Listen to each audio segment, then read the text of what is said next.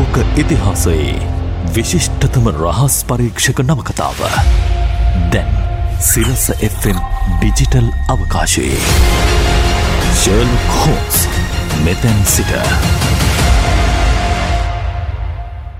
ද golden පැන්ස්නේ නම් වූ ශර්ල් කෝම්ස් කෙටිකතාව ඇසුරින් රංජිත් අමරසේකර සිරසට රචනා කරයි අසාමාන්‍ය ආහාර රුචිය.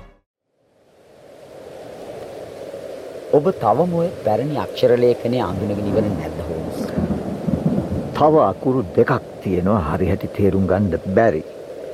ඒ දෙක තේරුම් ගත්තොත් කීවෙනි සතවර්ෂයට ඇද්ද කියන කාරණය නිගමනය කරන්න පුළුවන් වෙයි. මම නං පැරණි වෛද්‍ය ක්‍රම ගැන දක්වල තියෙන ලිපිලේඛන හැම එකක්ම කියවල ඉවර කළා. මේ වගේ වැස්සයි කුණාටුවයි තියෙන දවසක එලි පහලියට යන්න සිද්ධ නොවී මෙහෙම දෙයක යෙදෙන්ට ඉඩ ලැබීම වාසනාවක් වත්සන. ඔව්. පාරත් පාලුයි අද. දැන් ඉතින් අදට ඇති. මේ වැඩේ ඇස්වලට හරිම වෙහෙසයි. එකම එක අස්ස කරත් ඇත්තන ඇහෙන.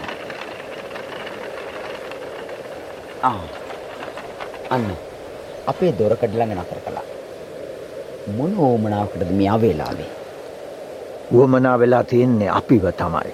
ඒක සැකයක් නෑ. දැන් ඉතින් උඩ කබා ඇඳගෙන බූට් සපත්තු දාගෙන අපි දෙන්නට දොට්ට බහින්ඩ වෙයි. නෑ නෑ කරත්ති ගියා.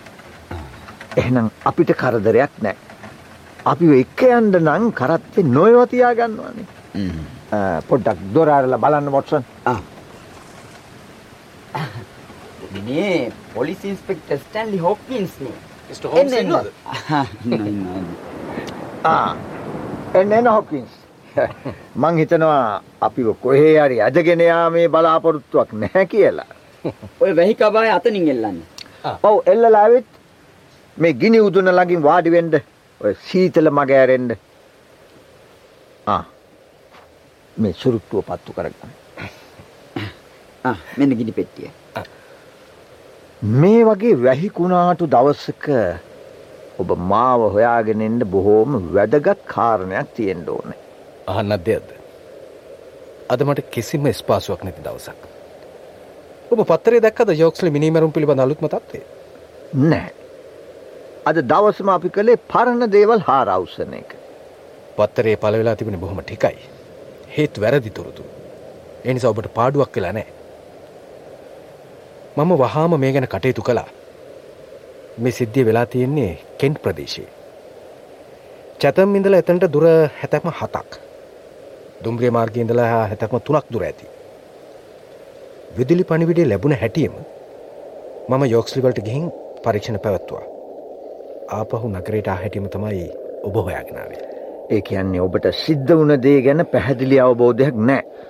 මට කිසිම දෙයක් තේරෙන්නේ හරිම අවුල් ජාලයක් ලොකුම ප්‍රශ්නය තමයි මේ මරණය සිද්ධ කළේ මොන හේතුවක් නිසාද කියලා හිතාගන්න බැරිකම.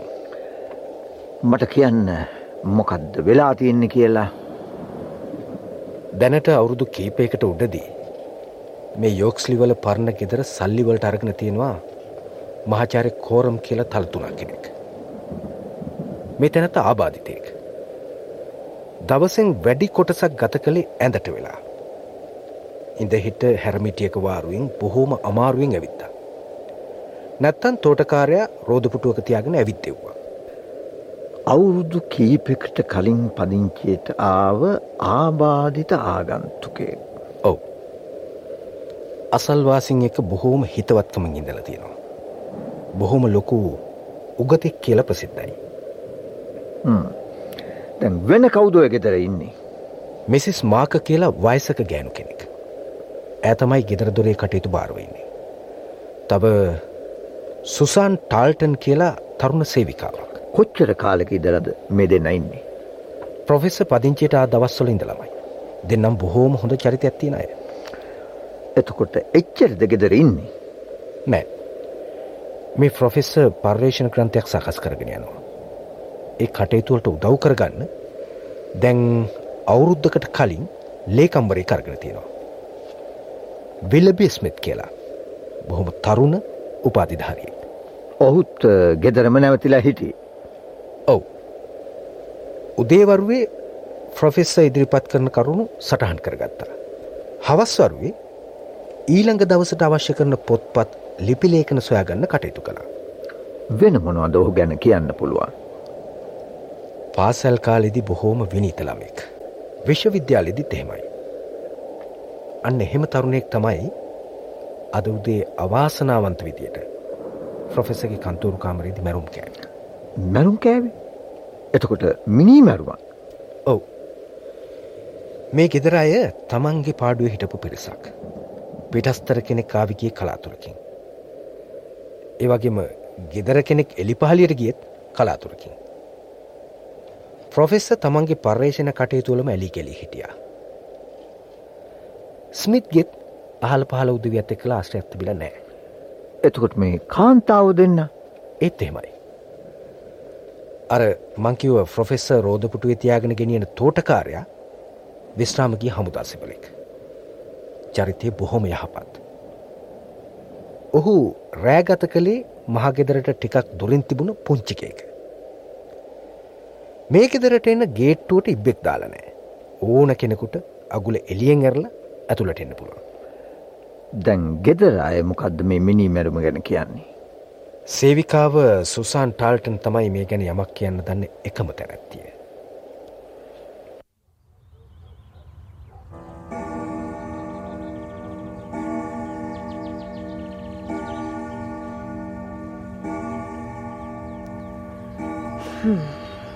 එකොළහත් වෙලා මුළුදේ වරුවම ගත වුණා ජනල්රද ටික දමන්න. මහාචාරයතුමාට මොනවත් අවශ්‍යද කියලා බලන්න ඕන. සමහර දවස්සලට මේ වෙලාවට මොනවත් බොන්න ඉල්ලනවනේ. තවම හොන්තටම නිති මෙහෙම සීතල දවස්සලට ඔහොම තමයි ඒක මං මහන්න ඕන ස්පිත් මහත්තයටත් මොනවද ඕනි කියලා තේද කෝපිද කියලා. මට ඇහුණ කන්තෝරු කාමරේ පැත්තට යනවා. දෙයනේ ඒ ස්මිත් මහත්තයා මොකක් හරි ලොකු කරදරයක් දුවලගේ බලන්න ඕනේ. දෙයනේ කලන්ති දාලා ඇදගෙන වැටිලා බත්තම් කරගන්න බලන්න. මහත්තයා මහත්තයා හපොයි බෙල්ල දිගේ ලේ ගලනවා. මේ පාචාරිතුමාගේ මේස උඩ තිබුණ හැත්තල මිට තින පිහියෙන් ඇනලා තියෙන්නේ.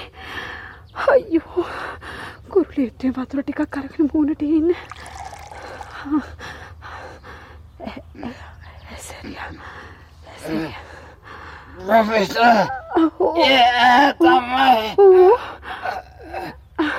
ඕ මහත්තය මං මං. දකුණු අදහස දිහාට දික් කරනවා. හුස්ම ටික ගියා. සුසාන් සුසාන් මිස්ටර් ස්මිත් නේද කෑගහන වුණේ දෙයියනේ මේ මොකද වෙලා තියෙන්නේ? මේ දැම් පන ගියා. අර අර පිහිම් බෙල්ල පැනලා තියෙන්නේ කවුද කවුද දන්නේ නෑ කවුරුවත් නැහැ සුසන් නොතනම ඉන්න මම ප්‍රොෆෙසර්ට ගිහින් කියන්න ප්‍රොෆෙසර් බය විරාන්ත වෙලා ඇඳේ ඉඳගෙන ඉන්නවා සත්‍ය ඇහින්ද ඇති කරදර කරන්න නරකයි. දැන් මේ ගෙදර හැමෝගෙන්ම ඔබ ප්‍රශ්න කලාද හොප්කින්ස්? ඔව්. සුසාන්ගෙන් විස්තර දැනගත්තට පස්සේ මම මෙසෙස් මාකගෙන් ප්‍රශ්න කළා. මිසිස් මාක ඔබ කොච්චර කාලෙකින්දලා මේ ගෙදර සේවය කරනවද? ප්‍රොෆෙසර් මේ ගෙදරට ආ දවසින්දලම ඔබ කිව්වා සුසාන් මිනිිය ළඟ තියලා ඔබ ප්‍රොෆෙසර්ගේ නිදන කාමරයට ගියා කියලා. එතෙන්දි මොකද වුණේ ප්‍රොෆෙසර් හොඳටම බය වෙලා ඇඳේ වාඩි වෙලා හිටිය. නිද නැඳුම පිටිම්ම ඕ ඔබට හොඳටම විශ්වාසයි. ඕ ඔහුට තනියම ඇඳගන්න බැහැ තෝටකාරය මෝටිමර්ගේ උදව් නැතුව මෝටිමරයන්නේ දොළහට. එතකොට වෙලාව එක්කොළහයි. හොඳයි. ඔබට යන්න පුළුවන් ඔය ප්‍රොෆෙසර්ව එක්කරගෙනන්න ඔව් ඉන්ස්පෙක්ට ඔබට අවශ්‍ය සෑම සහයෝගයක්ම දෙන්න මම සූදානම්. ඒත් මට කියන්න වැඩියමක් නැහැ. ඔබට ස්මිත් කෑගහන හඬ ඇහුණා. ඔව් බොහෝම ඇති. ඔහු තමා මැරෙන මොහොතේ. ෆ්‍රොෆෙස ඒ ඈ තමයි කියලා කෑගහලා තියෙනවා. ඒ ගැන මොකද හිතන්නේ. මං හිතන්නේ ඒවා අසිහියෙන් කියපු තේරුමක් නැති වචන. ඔය ස්මිත්ට හතුරු හෙම හිටියද. නැහැ. ඔහුට කිසිම හතුරෙක් හිටිය නැහැ. ඒ නිසාම මට මේ මරණට හේතුවක් හිතාගන්ටත් බැහැ. එතකොට ඔබ මොනවද දැනට අනාවරණය කරගෙන තියෙන කරුණු. මම ගෙයි දල සැලස්මක් සකස් කරගෙනාව. මෙතින් දැන් මිනිමරුව ගෙට ඇතුල් වුණා නම් ඔහු හෝ ඇය එක කළේ කොහොමද කියල බලමු. කිසිම සැකයක් නැතුව වත්ත මැද්දෙන් වටනු පාර්දිකඇවිත් පස්ස දුරින්. එතකොට කෙලින්ම කන්තෝරු කාමරයට එන්න පුළුවන්. වෙන පැත්තකින් ආවනම් මග වර්දිනවා. පිටවෙන්න ඇත්තේ ආවපාරිමයි. අනික දෙපැත්තෙන් එක පැත්තත් තියෙන්නේ ෆ්‍රොෆෙස එක කාමරයට. අනි පැත්තෙන් තමයි සුසන්නාවේ. ඇයට මිනිමරුව හමුණේ නෑ. ඉතින් ඊළඟට ඔබ මොකද කළේ. මම්මගේ අවධානය යොම් කලා වත්තටත් වත්තේ පාරටත්. වැහිවතුර එකතු වෙලා නිසා මං හිතුවා අඩිසටහන් දෙක ගණඩ ලැබී කියලා. අඩිසටහන් තියෙන් ඇති. නෑ. මේ මිනි මරුව බොහොම සූක්ෂම විදිහයට වැඩ කරන කෙනෙක්. එත් පාරයිනෙ තනතීරුව දිගේ කවුරුහරි ඇවිදගෙන කිය වග පැහැදිලි. අඩිසටහන් නැතිවුණාට තනකොළ පෑකිලා තිබුණා. ඒ ගිහින් තියෙන්නේ මිනිමරුව වගට සැකයක් නෑ. ඔය පාර වැටෙන්නේ කොහාටද. මහපාරට. පාරෙ දුර කොච්චරද. යාර සියක් විතර ඇති.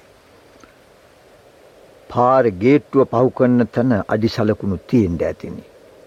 අවාසනාවට ඒ හරි ගල් අල්ලලා. පාරි ඒක තනිකර මඩගොහොරුවක්. ඔය තනකොළ ගොල්ලෙ තිබුණේ යන අඩි සටහන්ද ආපහු එන ඒවද. ඒක කියන්න අමාරුයි. පැහැදිලි සටහන්නෑ. ලොකුද පොඩිද. ඒකත් කියන්න බෑ. දැන් ඊට පස්සේ ආයෙත් වැහි ඇද වැටුන් නිසා හෝඩුවාවක් හොයා ගැනීම තවත් අමාරුවෙයි. ඉතින් එහෙම බැලුවම ඔප මොනවද හොයාගෙන තියෙන්නේ. හුඟක් දේවල්. කෙනෙක් පරිස්සමින් ගෙට ඇතුල් වෙලා තියෙනවක දැනගත්තාම මම කොරිඩෝරේ පරීක්ෂා කළා. ඒකේ ලනු පැදුරු වෙලලා තියෙන නිසා අඩි සටහන් රැඳිලා නෑ. ඊළඟට මම කන්තෝරු කාමරේ පරීක්ෂා කළා. ඒකේ එහෙමට ලී බඩු නැහැ. රාක්කයක් එක්ක ලියන මේසයක් තමයි කැපී පෙනෙන භාණ්ඩය. රාක්කේ ලාච්චු පේලියකුත් කබඩ්ඩයකුත් තියෙනවා. ලාච්චු ඇරලා තිබුණත් කබඩ් එක අකුල් දාලා තිබුණා. ඒකේ වැදගත් ලියකිවිලි තිබුණත් ඒවට හානියක් වෙලා නැහැ. ප්‍රොෆෙසර් කියනවා කිසි දෙයක් අඩු නැතිලු. ඒ නිසා හොරකමක් වෙලා නැති වගේ පැහැදිලි. මේ තරුණයාගේ මිනිය තිබුණේ කොහේද? ලාච්චු මේසට වම් පැත්තේ. මං ඔය සිතියම පෙන්නලා ඇති. ඇනලා තිබුණේ බෙල්ලේ වම් පැත්තට පිටිපස්සේ ඉඳලා. ඒ නිසා තමන් අතින්ම වුණු තුවාලයක් වෙන්න බෑ. ස්මිත් පිහිය උඩ ඇදගෙන වැටුණ නම් මිසක. ඔව්. මට තව කල්පනා වුණා. ඒත් පිහිය තිබුණේ මිනියට අඩි කීපයක් ඈතින්. ඒ නිසා ඒක වෙන්නත් බෑ. අනික ඔහු මැරණකොට කිව් වචන. අනික් වැදගත්ම කාරණේ ඕ මොකක්ද. මිය කිය තරුණයා දකුණු අතේ මිටමොලවගෙන හිටියා මෙන්න මේක. අතට අරගෙන බලන්න. රත්තරං කන්නාඩිකුට්ටමක්. එක කොනකින් කැඩිච්ච සේදනූලක කෑලිද කෙල්ලෙනවා. වෙලබෙස්මෙත්ගේ ඇස් පෙනීම ඉතාම හොඳයි. මේක මිනිමරුවගෙන් උදුරගත්ත එකක් බවට කිසිම සැකයක් නෑ. හෝම්ස් කන්නාඩිකුට්ටම දාලා බැලුව එකින් කියවන්ඩ බැලුව පාරදිහා බැලුව ලාම්පෝට අලල බැලුව දැන් මේ මොකක්ද කරන්නේ? මොනවද ලියන්න පටන් ගත්තේ? ආ මෙන් මෙන් ඔච්චරයි මට කරන්න පුළුවන්. ඕක ඔබට ප්‍රයෝජනවත් වෙන්න පුළුවන්. වැදගත් පෙනුමක් ඇති මනාව හැඳ පෙළඳී පුළුල් නාසයක් හා ඉතා ලංව පිහිටි දෙනෙත් ඇති කාන්තාවක ඕනෑ කර තිබේ. ඇයට රැලි කැසුණු නලලක්ද ඇත. ඕනෑකමින් එබී බලයි. උරහිස් රවුම් විය හැක. පසුගිය මාස කීපය තුළදී අඩුම වශයෙන් දෙවතාවක්වත් ඇය කන්නාඩි වෙළෙන්දා වෙත ගොස් ඇත. ඇයගේ ඇස් කන්නාඩි ඉතා ප්‍රබල ඒවා බැවින් හා ඇස් කන්නාඩි වෙළඳුන් නැත්තේ සුළු සංඛ්‍යාවක් බැවින් ඇය සොයා ගැනීම අපහසු නොවනු ඇත. ඔබ කොහොද කණ්ඩාඩි කුට්ටුමත් දිහාබල්ල ඔය තරම් විස්තර කියන්නේ. ඒක කාන්තාවකගේ බව නිගමනය කළේ සිවුම් නිමාවත් මියගේ තරුණයගේ වචනත් නිසා. මේ වගේ වටිනා රත්තරං උපැස්ුවලක් පලඳින කාන්තාව අනිවාර්යයෙන්ම වැදගත් පෙනුමක් ඇති. හොඳින් හැඳ පැළඳගත් කෙනෙක් වෙන්න ඕන. ඔබට පේනවා ඇති කන්නාඩිය නහය උඩ රඳවන මේ කෑලි දෙක අතර පරතරය ඔබේ නාසයට බුරුල් වගේ. ඒකින් පැහැදිලි ඇගේ නාසය පුළුල් වගේ. මට කොච්චර ඇස් කිට්ටු කළත් මේ කන්නාඩියෙන් බැලීම අපහසුයි.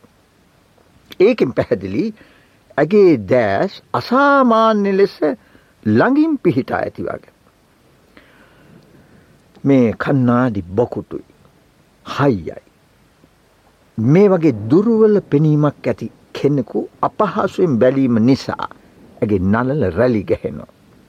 උරෙහි සවුම් වෙනවා. ඒ ටික මටත් පැහැදිලි හෝම්ස්.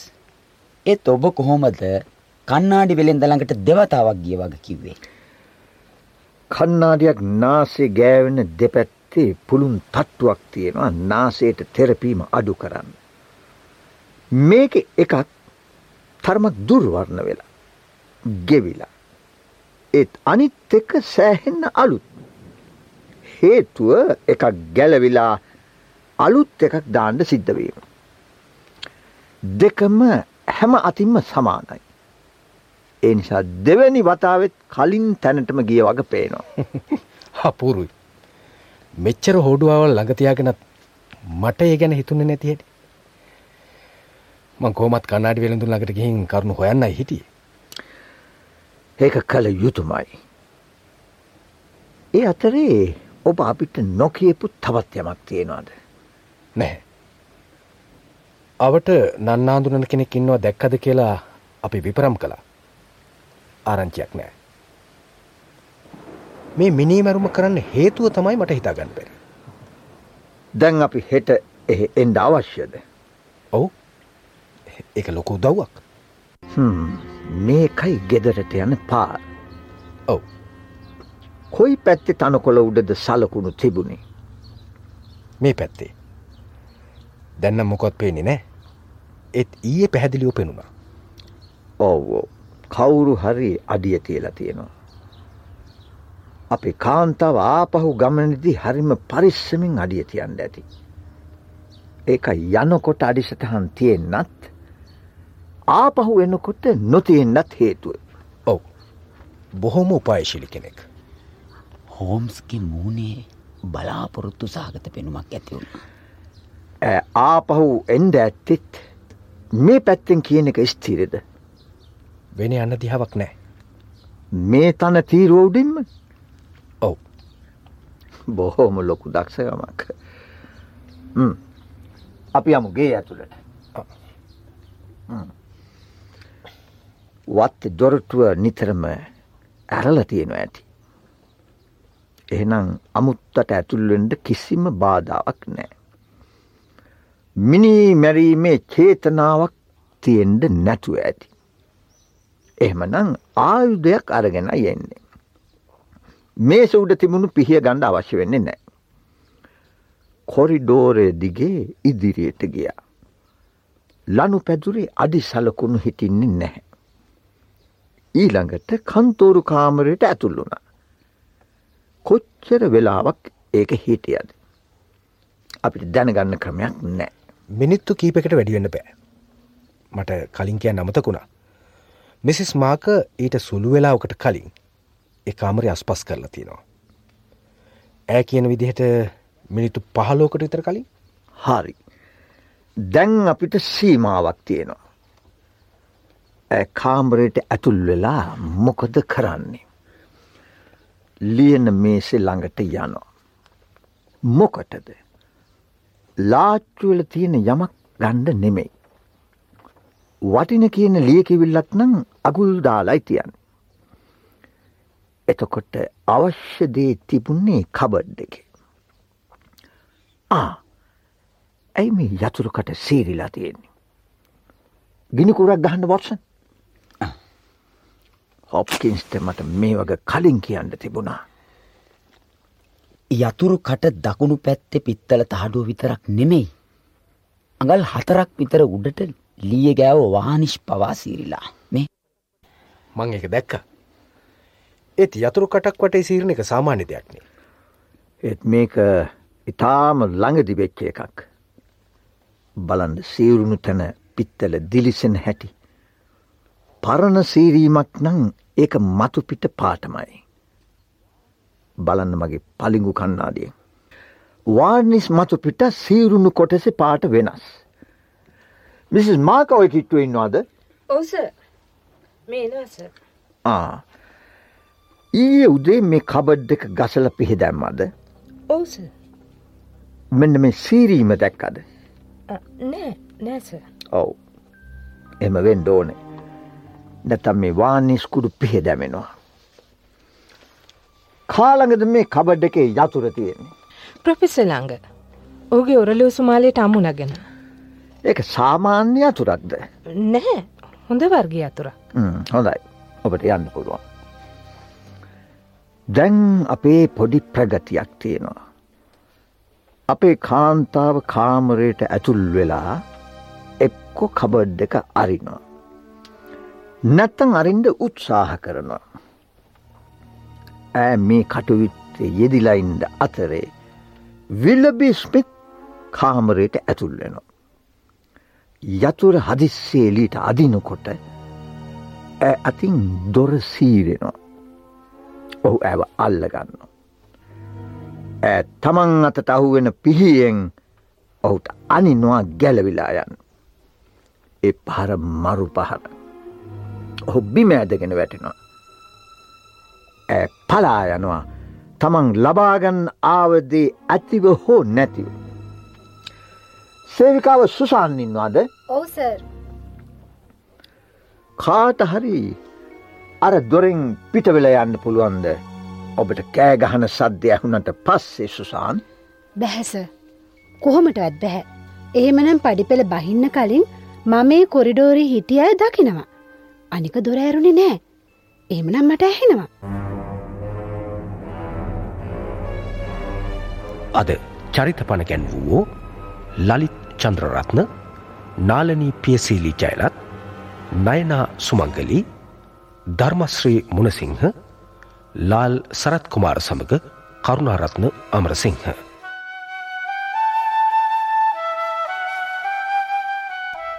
ද ගෝල්ඩන් පැන්ස්නේ නම් වූ ශලක් හෝම්ස් කෘති ඇසුරින් අසාමාන්‍ය ආහාර රුචිය සිරසට රචනා කළේ රංජිත් අමරසේකර.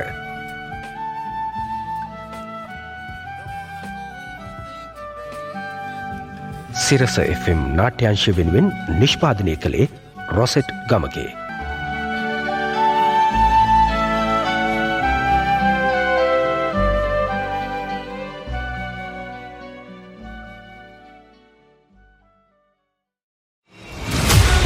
ජර්ලොක් හෝම්ස් සෑම අඟහරුවාදා සහ බ්‍රහස්පතින්දා දෙනකම සවස හතරට සිරස FM YouTube නාලිකාව ඔස්සේ.